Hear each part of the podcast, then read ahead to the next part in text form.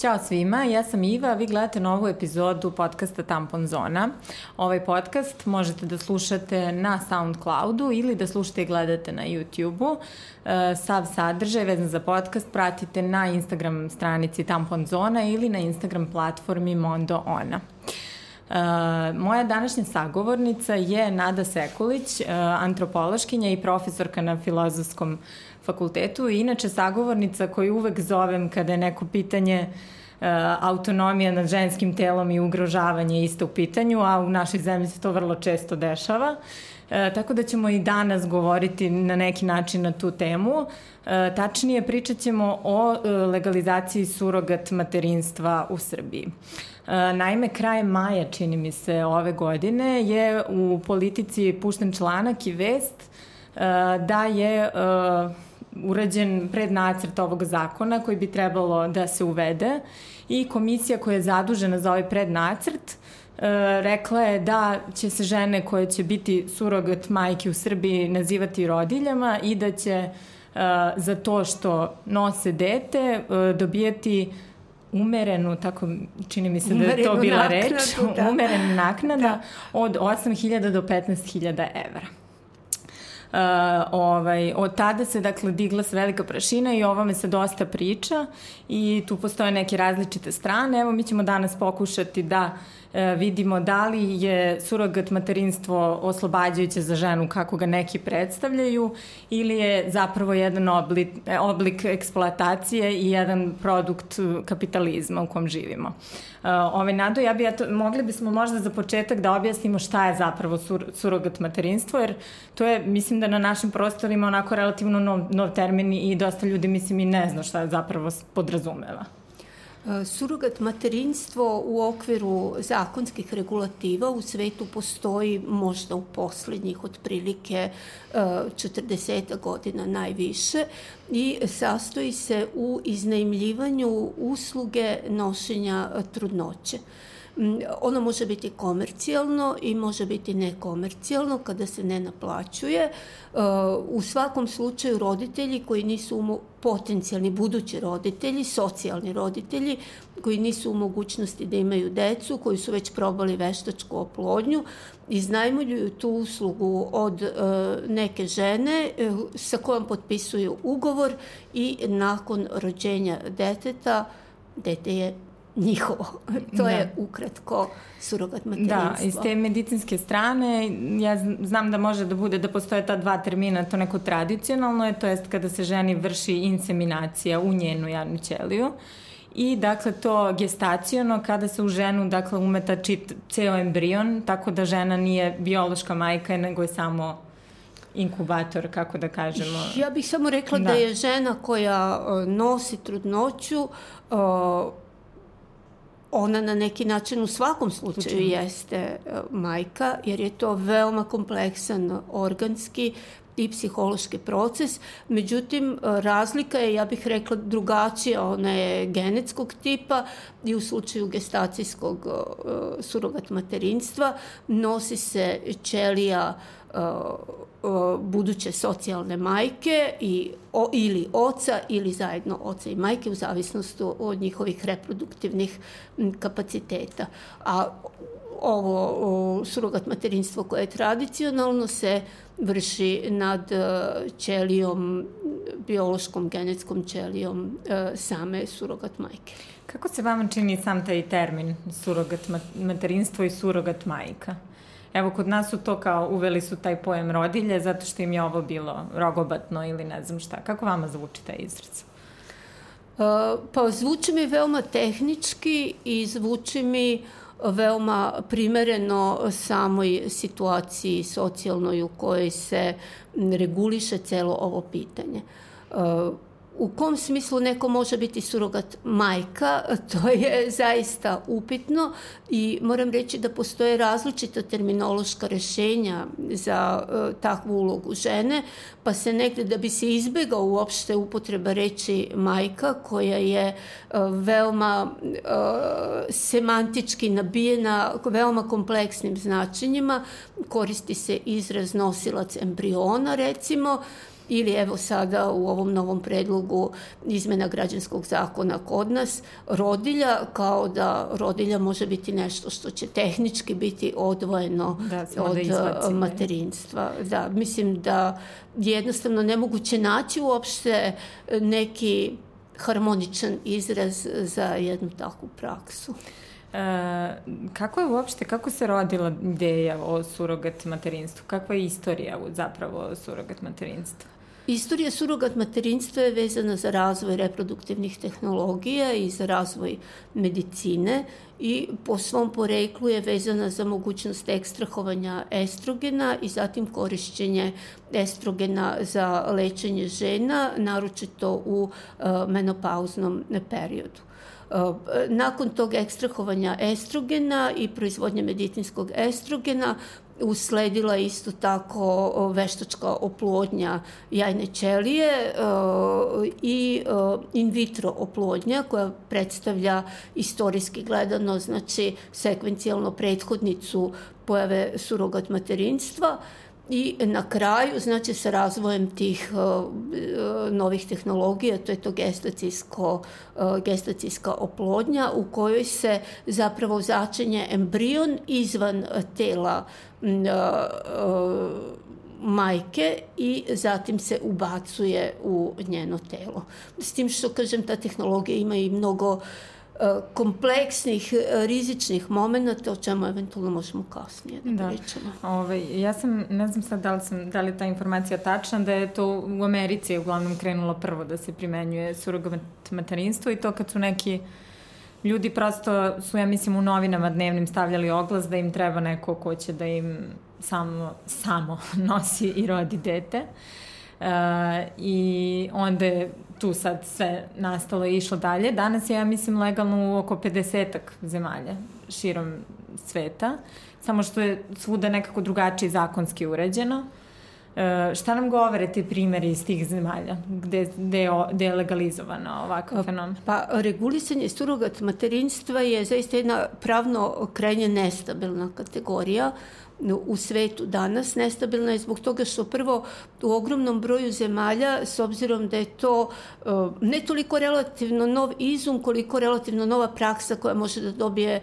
masovne razmere, potpuno neregulisano pitanje, pa se onda nije ni kažnjivo, ni nije kažnjivo, tako da je pitanje u kojoj formi ono uopšte može da postoji u tim zemljama. Zatim postoje zemlje, mislim da su Amerika i Rusija i Ukrajina recimo u vrhu onih u kojima je ono potpuno legalizovano i u tom svom komercijalnom obliku.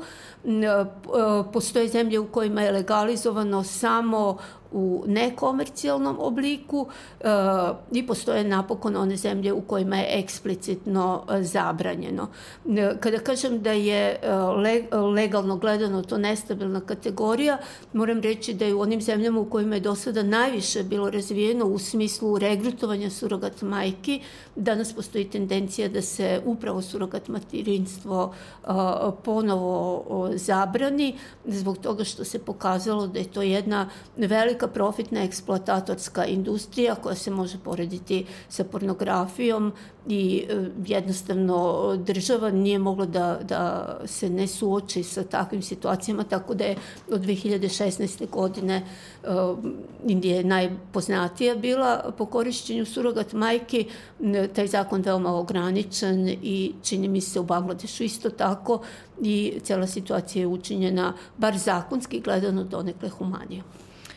Kada gledamo, na primjer, na informacije koje dobijamo iz medija o surogat materinstvu, imamo tu neke sad poznate ličnosti koje su kao angažovale surogat majke i to su se neke priče s koje se predstavljaju sa happy endom i srećne kako je neko konačno dobio dete i ne znam ja šta, ali ono što je meni najstrašnije u celoj priči jeste da dakle nigde nema te surogat majke ni u jednoj priči. Uh, ovaj, niti se pominju njena prava. Evo i sad kad se pričalo u Srbiji o ovome, uglavnom se pričalo o tome ko će moći da angažuje surogat majku i ko će, ne znam, biti kompetentan da je angažuje. Uopšte se opet ne priča o toj samoj surogat majici. Ko su surogat da. majke? Pa ja bih pre svega rekla da to zaista jeste licemerje e, savremenih e, zakona koji bi trebali, trebalo bi da budu tako regulisani da se garantuju uvek neka elementarna ljudska prava svih strana koje su vezane za učešće u nekom ugovoru, u nekoj društvenoj situaciji. Kada pogledate zakone kojima se reguliše pitanje surogat materinstva širom sveta, onda je zaista ono što je pre svega upečatljivo i odmah upada u oči sve podređeno da kažem surogat roditeljima, znači onima koji iznajemljuju tu uslugu kako bi oni dobili da kažem grubo uslovno robu koju su naručili um, istovremeno i celokupna procedura vođenja trudnoće se vodi u interesu toga da se dobije što bolji fetus, odnosno proizvod. Prava surogat majki nisu uopšte na zadovoljavajući način regulisana, širom sveta potpuno se zanemaruje to i zanemaruje se ona realna situacija, predstavlja se, recimo to imate i sada u nekim firmama koje su počele kod nas nedavno da rade, na tome kao da je reč o humanom udruživanju različitih aktera, pri čemu surogat majke žele da pomogne, pomognu roditeljima koji ne mogu da imaju deca, pa se navodno zbog toga odlučuju na ovakvu ulogu. Međutim, situacija je potpuno drugačija, reći o siromašnim ženama. Ja sam imala prilike da pogledam neke od tih ugovora mm -hmm. i tu ugovora koji su sklapani u razvijenim zemljama, korišćenjem surogat majke u razvijenim zemljama u Americi, što znači da su to još najbolji primeri takvih ugovora kada je u pitanju zaštita surogat majke. Recimo ti ugovori o, o, ni na koji način, recimo ako bi se desilo da o, da se žena tokom trudnoće razboli, mm -hmm. a da ne može eksplicitno da se to poveže sa tretmanom koji ona ima. Znači, niko nema nikakvu, nikakvu financijsku obavezu u svemu tome. Žena pritom potpisuje ugovor u kome je obavezna da koristi sve medikamente bez mogućnosti da kaže da neće, koje lekar prepiše, pričemu mnogi od tih medikamenata nisu uvek u interesu same žene, žene o kojoj je reč, nego je da. napravljeno u funkciji jačanja a, fetusa. Zatim m, nemaju pravo da abortiraju, I istovremeno... Da, to sam pročitala, da. da one potpisuju ugovor da u trenutku kad embrion je u njima, da one više bukvalno se ne pitaju ništa. Ne dakle, pitaju čak se ništa, iako je taj da. sa tim embrionom nešto nije u redu, ona ne može da donese odluku o abortusu, Jeste. nego to mora da uradi naručilac. Jeste, onda recimo situacije u kojoj, zbog, kada je otežana oplodnja, kada se pokaže da prvi ili drugi slučaj oplodnje sa tim embrionom uh, nije uspešan, onda se usađuje više embriona u ženu, a usađivanje više embriona dovodi do nekih povećanih zdravstvenih rizika, zahteva jače hormonalne terapije i statistički je potvrđeno da su to um, prevremene trudnoće vrlo često i da takve trudnoće može da se rodi dvoje dece ili čak troje dece. Znači, u toj situaciji jednostavno žena koja nosi tu trudnoću nema apsolutno nikakvu mogućnost da odlučuje o sebi, o svom telu i o svom socijalnom položaju. Ja bih tu napomenula još, recimo, kad bi se desilo da umre žena tokom, znači isto, niko ne snosi nikakvu odgovornost ništa, ne postoji nikakva nadoknada, to su zaista potpuno nezahvalni uslovi, a da uh, na kraju, kažem, i sama ta činjenica u onom momentu kada se rodi dete, njoj to dete više ne pripada.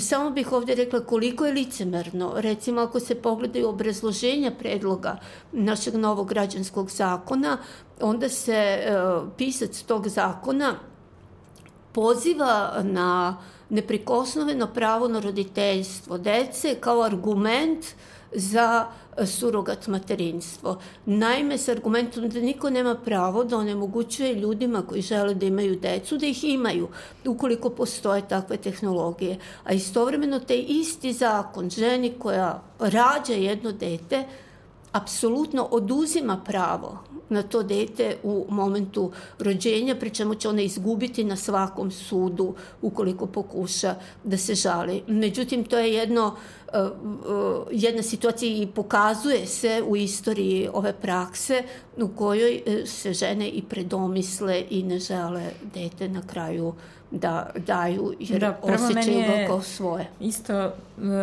jako čudno da se to poziva na pravo svakog da ima dete, jer ovo zapravo se pretvara u pravo privilegovanih ljudi i pravo elite da ima dete i neko ko to može da plati, a ne svakog pojedinca. Definitivno, definitivno se pokazuje i to je takođe još jedna situacija za koju ne postoji dovoljno adekvatnih pokazatelja u smislu da imate neke konkretne brojeve, mada je situacija više nego jasna, surogat materinstvo reflektuje sve probleme odnosa bogatih i siromašnih u savremenom svetu, ogromne klasne razlike, žene koje su surogat majke su žene koje su siromašnije i istovremeno to su žene iz nerazvijenog dela sveta. Ja sam čitala nekoliko članaka koji su nastali u Americi u kojima e, se žele pokazati da kada je reč o surogat majkama u Americi da tu uopšte nisu toliko siromašne žene, mm -hmm. da su to žene koje imaju stabilnu ekonomsku situaciju, koje imaju završene koleđe, Međutim, reč je o istraživanjima koje je pravljeno na 20, 30 žena, če, to je jednostavno potpuno, pričam u, u tim tekstovima nema uopšte obrazloženja kako je formiran taj uzorak, kako je izabrano tih 20 žena, i to svakako ne može da se uzme kao nikakav argument. Znači, sve, sve, sve svi pokazatelji govore o tome da je reč o siromašnim ženama i tu ima ta priča da je navodno žene koje su surogat majke uživaju u tome što će nekome omogućiti da budu roditelji. Uh, mislim da je to paradoksalno, uh, trudnoće je veoma složen i ne uvek prijatan proces u kome uh, lepotu tog procesa jednostavno čini upravo ta činjenica da neko donosi na svet novo dete i da je to njegovo dete. Znači, postoji mnogo neprijatnih momenta u samoj trudnoći, počeši od začeća, pa pogotovo u zadnjim mesecima trudnoće uh, i činjenica da sad neko tu prolazi idilično stanje zbog toga što će roditi ovaj, drugome dete, mislim da je zaista prilično Da, ja mislim da smešno. da možda postoji kod nekih, da je to mali procenat žena, ali da postoje žene koje imaju možda neku motivaciju da pomognu nekom. Ima i primjera da je neko iz rodbine hoće da pomogne nekom ko ne može da ima dete, ali opet mislim da taj psihološki moment kad žena rodi dete da jednostavno ne može da, šta vi mislite, kakve posledice može da ima, da se to samo odjednom eto otuđi. E, pa ja i čitala sam takođe tekstove istraživanja koje pokazuju da žene koje su surogat majke moraju da prolaze poseban trening emocionalnog distanciranja od svog ploda. Zbog toga što ljudska bića su, ne samo kad je trudnoća u pitanju, naročito kad je trudnoća u pitanju, znači mi nismo samo racionalna bića, znači mi smo veoma kompleksna bića, naše telo se samo sastoji od, znači, autonomnog i neautonomnog vegetativnog sistema i začeće i celokupan proces trudnoće predstavlja sintezu te dve stvari, i duboko je jedan prirodan proces koji ne spada uvek pod kontrolu racionalne strane našeg bića i to je deo lepote celokupnog tog procesa. Tako da je uh, uh, tako da ja mislim da je tu pravljanje nekakvih rezova objašnjavanje tog procesa, naime nekog ugovora koji ste potpisali i stavljanje nekakvog ugovora koji je u suštini materijalni, jer u nekim uslovima bi možda i ja podržala to nekomercijalno da. da, surogat roditeljstvo, ali mislim da bi i tu pale neke iluzije. Znači, ne verujem čak ni da bi sestre, sestri toliko često bile spremne da učine tu uslugu, ne zato što ne vole svoju sestru, već jednostavno zbog toga što je to veoma kompleksan proces. Znači, prosto želim da kažem da mislim da je mnogo manji broj ljudi nego što se to predstavlja da. spreman da to eto tek tako uh, uradi. Tako da mislim da jednostavno ono što predstavlja poštovanje integriteta čoveka u ovom slučaju uh, podrazumeva harmoniju između različitih dimenzija naših bića unutar koga je taj racionalni deo samo jedan deo te priče i da to jeste važna dimenzija onoga što materinstvo predstavlja u svom najlepšem obliku. Ja sam čak negde pročitala da u određenim zemljama u okviru tog, tih ugovora postoje uh, određeni delovi koje, i da žena, na primjer, koja rodi dete, surogat majka, ne sme uh, svoje mleko da šalje tom detetu posle, nego to dete uzima od neke druge majke da ne bi došlo do te povezanosti isto. To pitanje, opet kažem, sama regulativa surogat materinstva se veoma razlikuje od zemlje do zemlje i ne postoje nikakvi opšti standardi šta bi predstavljalo uh, minimum kriterijuma uh, kojima se poštuje integritet svih uh, svih učesnika u tom mhm. procesu, mm -hmm. uključujući i bebu, što mislim da uopšte nije zanemarljivo. Da. jer za bebu je svakako najbolje da koristi uh, majko, mleko svoje biološke majke. Tako da u nekim zemljama se jednostavno dodatno plaća mleko surogat majke. U nekima se praktikuje ovo što mhm. ste vi rekli, ali u jednom i u drugom slučaju to nikako ne može biti dobro za bebu. Korišćenje majčinog mleka nije samo i pitanje tog biološkog sastava tog mleka, već je pitanje one primarne veze za koju za koju, koja je konstitutivna, znači prvi meseci čovekovog života pa i mnogo duže, nisu prosto tok u vremenu, već su duboko gradivni procesi u kome je prisustvo majke izuzetno važno. Da.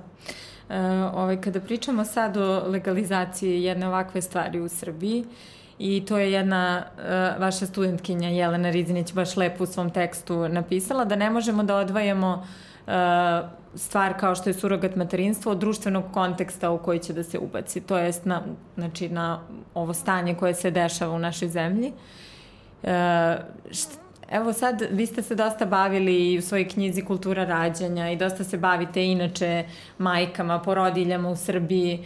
Ovaj, Kako je to? Mi sad hoćemo da uvedemo te surogat majke, a kako kod nas žive majke i porodilje? Da li bi, mislim da bi možda prvo trebalo i da tu malo poradimo na... Da, cela priča o surogat materinstvu je krajnje paradoksalna iz socijalne perspektive, jer ona u suštini nije praćena zaista jednim adekvatnim opštim interesom i praksama koje bi podržavale materinstvo, već su u najdirektnijem smislu povezane za uh, privilegovane slojeve i omogućavanje bogatima da mogu, ja bih rekla čak i svoje najluđe želje da ispune ukoliko imaju novac. Taj novac je ono što njih legitimiše i ono što im daje i moralni kredibilitet. Podrška materinstvu je zbog toga vrlo često unutar legalizacije surogat materinstva nešto što je potpuno skrajnuto i nije bitno. Tako da kod nas recimo kada pogledate u proceduri je taj zakon koji se odnosi na surogat materinstvo koji u ovoj situaciji u kojoj naše koordinacijono telo za rodnu ravnopravnost je više izvršni organ vladajuće partije nego što zaista zastupa najšire slojeve žena, gotovo izvesno da će biti usvojen. Ukoliko se ne dogodi, ja bih rekla, jedan opšti otpor tom zakonu, što je opet malo verovatno zbog toga što vi nećete ni čuti da neko u mainstream medijima o tome priča.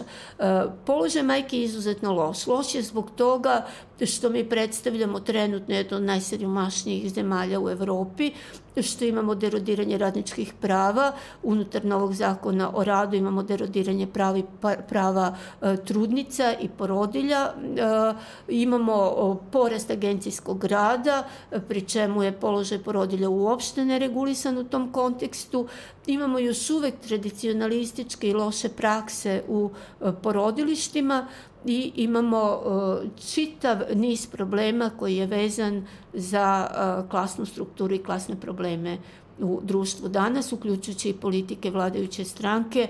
O tome je bilo dosta reći poslednjih meseci koje sprovode kampanje za rađanje, koje su potpuno uh, nerealne, ja bih rekla degutantne, a sa druge strane umanjuju iznos novca Naknade, i to na jedan da. manipulativan i demagoški način. Mi sa jedne strane imamo tu priču gde se surogat materinstvo i njegovo uvođenje u Srbiji predstavlja kao nešto e, moderno, emancipatorsko, kao ne znam, napredak u medicini. A sa druge strane, to je jedan tipičan kapitalistički produkt koji pokazuje dakle da sve može da se kupi za novac. Da li mi možemo sad na osnovu uh, situacije u našem društvu da vidimo koje bi bile posledice kad bi ovako nešto bilo uvedeno? Ja bih samo napomenula da je napravljena iluzija da je surogat materinstvo kontinuitet razvoja modernih reprodu, reproduktivnih tehnologija i da istovremeno je deo emancipacije žena. Surogat materinstvo je mnogo starije od same razvoja reproduktivnih tehnologija. Robinje su uvek korišćene za slične stvari kao i za dojenje. Ja mislim da najstarije primere surogat materinstva imamo još u Bibliji sa slučajem Avrama i Sare i uh, njegove, odnosno Sarine, znači tamnopute robinje koja se smatra pramajkom celokupne, znači muslimanske uh, nacije, da tako kažem, veroispovesti.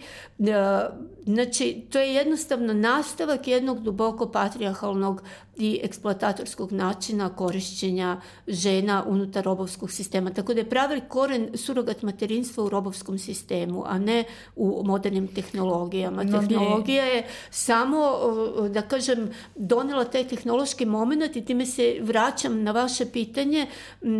Postoje jedna iluzija da razvoj tehnologija nužno vodi nekakvoj modernizaciji, i progresivnom nekom, da. razvoju. Naš svet savremen pokazuje da to uopšte nije slučaj da je moguć retrogradan razvoj. Mi imamo čitav niz zemalja u kojima su žene imale mnogo bolji društveni položaj 70. godina nego što imaju danas.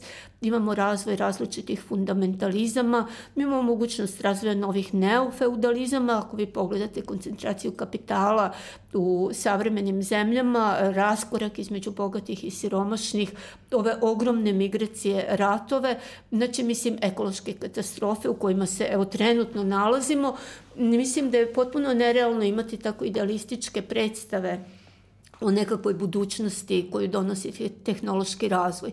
I time i kada govorimo o našoj zemlji, mislim da e, ne može biti boljitka ako postoji siromašenje. Znači, ako postoji siromašenje, jer e, Ideja ravnopravnosti žena možete vi da donesete koliko god hoćete strategije, možete vi da donesete koliko god hoćete e, zakona. Ukoliko vi imate ogromno klasno razdvajanje, ukoliko vi imate gubitak prava radnika, ukoliko vi imate žene koje su ekonomski uh, zavisne, ukoliko imate uh, politike koje ne podržavaju, koje ne prepoznaju materinstvo u okviru svojih socijalnih politika, ukoliko imate derodiranje zdravstvenog sistema, mislim da je to potpuni paradoks i da uvođenje ovog surogat materinstva jeste samo jedan dalji korak u neoliberalnoj transformaciji našeg društva koje vode i daljem zaoštravanju čitavog niza problema.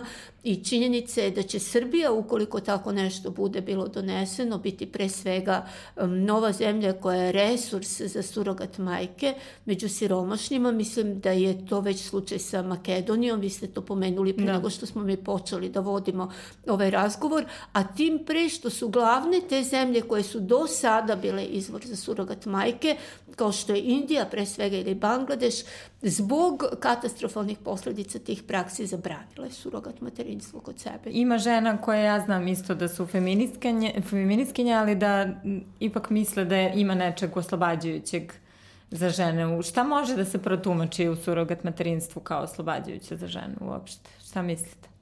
Pa, o, ja lično mislim da je to o, veoma problematična teza, da je ona zasnovana na toj ideji da je rod kao takav društveni konstrukt, da je u okviru toga i čitav niz stvari koje su vezane za materinstvo društveni konstrukt, da su žene izuzetno dugo u istoriji bile opterećene materinstvom takođe kao jednim socijalnim konstruktom, što je tačno. Znači, e, srpsko tradicijsko društvo ženu vrednuje s obzirom na njeno materinstvo. Imamo taj divan film iz 80-ih, Petrin Venac, mm -hmm. Karanoviće, koji je rađen po romanu, u kome se vidi da žena koja ne rađa obređen taj stari problem, znači jednostavno ne zaslužuje svoje mesto u porodici, može da bude e, proterana I u tom smislu pretpostavljam da deo tih žena smatra da je to dekonstrukcija cele te priče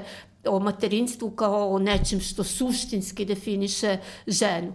Međutim, paradoks e, čitave te situacije jeste što sa jedne strane sama ta bezuslovna potreba za roditeljstvom, koja se definiše kao jedna komercijalna želja unutar potrošačkog društva, ja bih rekla da se zapravo nadovezuje na ceo taj patrijarhalni kontekst u kome neko ne može da zamisli roditeljstvo putem usvajanja ili ne može da zamisli svoju poziciju u društvu ukoliko nije majka, što sa jedne strane može da bude naravno autentična potreba u smislu želje za materinstvom, ali sa druge strane je i to deo jednog celokupnog socijalnog konstrukta unutar koga postoji pritisak na ženu da mora da se ostvari kao majka, inače je celokupan njen život potpuno izgubljen. E, tako da e, e, mislim da tu postoji čitav niz onako slojevitih, najrazličitijih problema, ali mislim da je to Takođe mislim da je utice medija izuzetno velika. Ako vidite neke velike zvezde koje to predstavljaju idealistički, kao eto postali su surogat majke, u kome naravno ništa nećete videti sa strane tih surogat majke, nego ćete Nima samo, samo videti ostvarenje uh, njihovog roditeljstva, onda to sve može da izgleda uh, prilično benigno. Uh, Situacija sa materinstvom je, međutim, ponavljam još jednom, jedan složen, egzistencijalni, biološki, emocionalni kompleks i poštovanje toga je poštovanje integriteta čoveka. tako da mislim da bez toga, naročito kada su žene u pitanju, celokupna ideja demokratije, ona je formirana na ideji racionalnog subjekta, ona je formirana na ideji uh, odlučivanja, pri čemu žene nikada nisu bile dovoljno uključene u to uvek je njihova reproduktivnost u buržarskim društvama tretirana kao resurs. To se vidi u kontekstu različitih modela populacijonih politika. E, tako da je pitanje političke autonomije žena neizostavno vezano za pitanje njihove telesne autonomije put ka telesnoj autonomiji nije u tome što ćete vi prodavati svoje organske procese, a dodatno na ovaj način se obnavlja trgovina ljudima, jer je to zapravo trgovina decom. Da, i ovaj, znam da uh, ljudi neki koji zagovaraju surogat materinstvo predstavljaju to da surogat majka ima pravo na izbor, da ona bira da li će to da uradi. Ali o kom izboru mi možemo uopšte pričamo ako je iza nje, dakle ako je ta žena siromašna i baš je jedna govornica na BFM u 2015. Kasija se zove, mislim, rekla da ako žena više nema šta da proda, eto sem svog tela u tom trenutku. Pa po, situacija pokazuje prvo kada je reč o nerazvijenim zemljama da vrlo Indija je posebno karakteristična po tome, odnosno ja sam bar najviše upoznata sa tim podacima, da vrlo često muževi i rođaci pritiskaju svoje žene i traže od svojih žena da se podvrgnu surogat materinstvu da bi rešili neke osnovne egzistencijalne probleme. Tako da recimo stambeno pitanje se rešava putem surogat roditeljstva. Ne postoje adekvatna praćena, u tome se vidi ta nehumanost. Mi imamo krajnje površne podatke koje probleme rešavaju ljudi koji ulaze u projekat surogat materinstva. Znači, to su uglavnom osnovni egzistencijalni problemi. Znači, pitanje gde će da stanuju, neko na taj način zaradi novac da odškoluje svoje sobstveno dete, znači, to je zaista nehumano, znači, prodavati uh, prodavati celo svoje fizičko biće, to je, to je, to je dodatni gubitak autonomije unutar sistema koji inače telesnost žena ne poštuje uh, u, u, u okviru ideje političke autonomije i ljudskih prava. E, često se isto pominje eto, sluškinjina priča kao jedna paradigma svega ovoga što se dešava. Kako se vama čini to poređenje? Uh, mislim da je, inače ta serija zaista uh, predivna, znači pravljena po romanu Margaret Atwood 1985. godine je napisan taj roman uh, Meni je celokupna ta serija koja je u toku, evo upravo je sada završena 13. Jesam, da, da jedva sam izdržala do kraja. Da, da, da. Ovaj, uh, reč je o tome da ta serija, samo da pomenem za one koje eventualno nisu mm -hmm. gledani, radi se o fantastičnoj priči, o, jednom distopijskom društvu, unutar koga se desila ekološka katastrofa, smanjen je fertilitet populacije i organizacije koje su otprilike poput ISIS, ISIL-a, rekla bih, znači osvajaju prostor današnje Amerike i uvode upravo to prisilno surogat materinstvo koje se sastoji u regrutovanju i uh, ritualnom uh, silovanju žena koje su uh, fertilne, koje mogu da rode u interesu obnavljanja nacije. Da ne ulazim dalje u detalje celokupne te priče, ono što je izuzetno interesantno u celokupno toj mm, scenariju, narativu cele te priče jeste da se ona sastoji od, to, to društvo je veoma nehumano i kada gledate izgleda vam kao da je to nešto što je nemoguće. U suštini različite komponente te priče Već da sadrže da nešto što zaista realno postoji. Recimo te uslovno rečeno robinje ili surogat majke, one se ne zovu po svom sobstvenom imenu, nego se zovu po prezimenu porodice u kojoj su adoptirane da bi tu zapravo rađale. To je recimo praksa donedavno u Engleskoj žene se nisu uh, oslovljavale po svom imenu nego po prezimenu svog muža. Znači zapravo je uzet, uzeti su segmenti iz najrazličitijih pa da. društava iz arapskog sveta, te žene ne smeju da izlaze napolje bez pratnje, uh, zabranjeno im je recimo školovanje, to imate u Afganistanu, znači kada su talibani došli na vlast.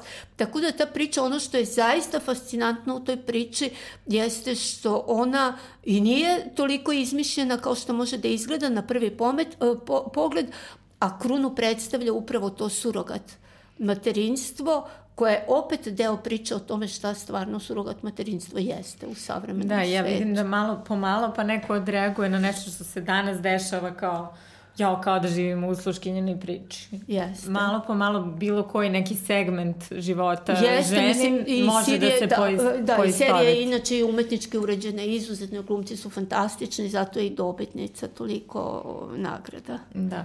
Uh, ovaj, uh, da se vratimo na našu temu uh, surogat materinstva. Dakle, uh, ja sam negde pročitala da u Srbiji postoje otprilike 30 žena koje godišnje zato što e, im je ili e, izvađena materica ili zbog nekih problema ne mogu da e, dakle imaju dete i ja stvarno s jedne strane nekako mogu da kažem da njih razumem i da njihovu potrebu razumem. Šta mislite, da li može da li bilo kako može zakonski da se reguliše da surogat materinstvo ne bude komercijalno i da bude toliko praćeno sa svih strana i da se prava svakog ko učestvuje tu e, ispoštuju, da li je tako nešto moguće? Da li može to da postoji? Mislim da još uvijek nigde ne postoji, pošto evo nabrajali smo koliko zloupotreba ima. Zloupotreba svakako ima i uvek će ih biti u najrazličitim sektorima, bilo šta da se reguliše u društvu. Međutim, ja mislim da je jedini način da se surogat materinstvo učini humanim, pre svega da bude obavezno nekomercijalno, da, da. postoji da. veoma strog nadzor, što nije nemoguće. Nemoguće samo zbog toga što ne postoji dobra volja da se to uradi, da postoji veoma strog nadzor da je ono zaista nemoguće i mislim da moraju da postoje uh, paralelno praćenje, negovanje i razvijanje koncepta prava osoba koje su nosioci surogat materinstva.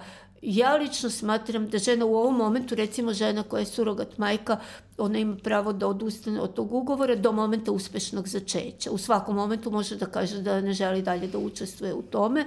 Međutim, moje lično mišljenje je da žena mora da ima to pravo do rođenja deteta, uključujući rođenje deteta i da tek onda, znači kada se prođe proces legalne adopcije deteta, da tek onda dete zapravo uh, prelazi u ruke roditelja koji će brinuti o njemu, koji predstavljaju naručioce te usluge, ali svakako mislim da bi najbolje bilo da prvo postoji mogućnost rešavanja u okviru rođačkih veza, a zatim ukoliko to nije moguće, onda u vidu nekakvog vida nekomercijalnog surogat materinstva, ali zaista uz mm, mnogo pažljivije i senzitivni da. pristup da. tome.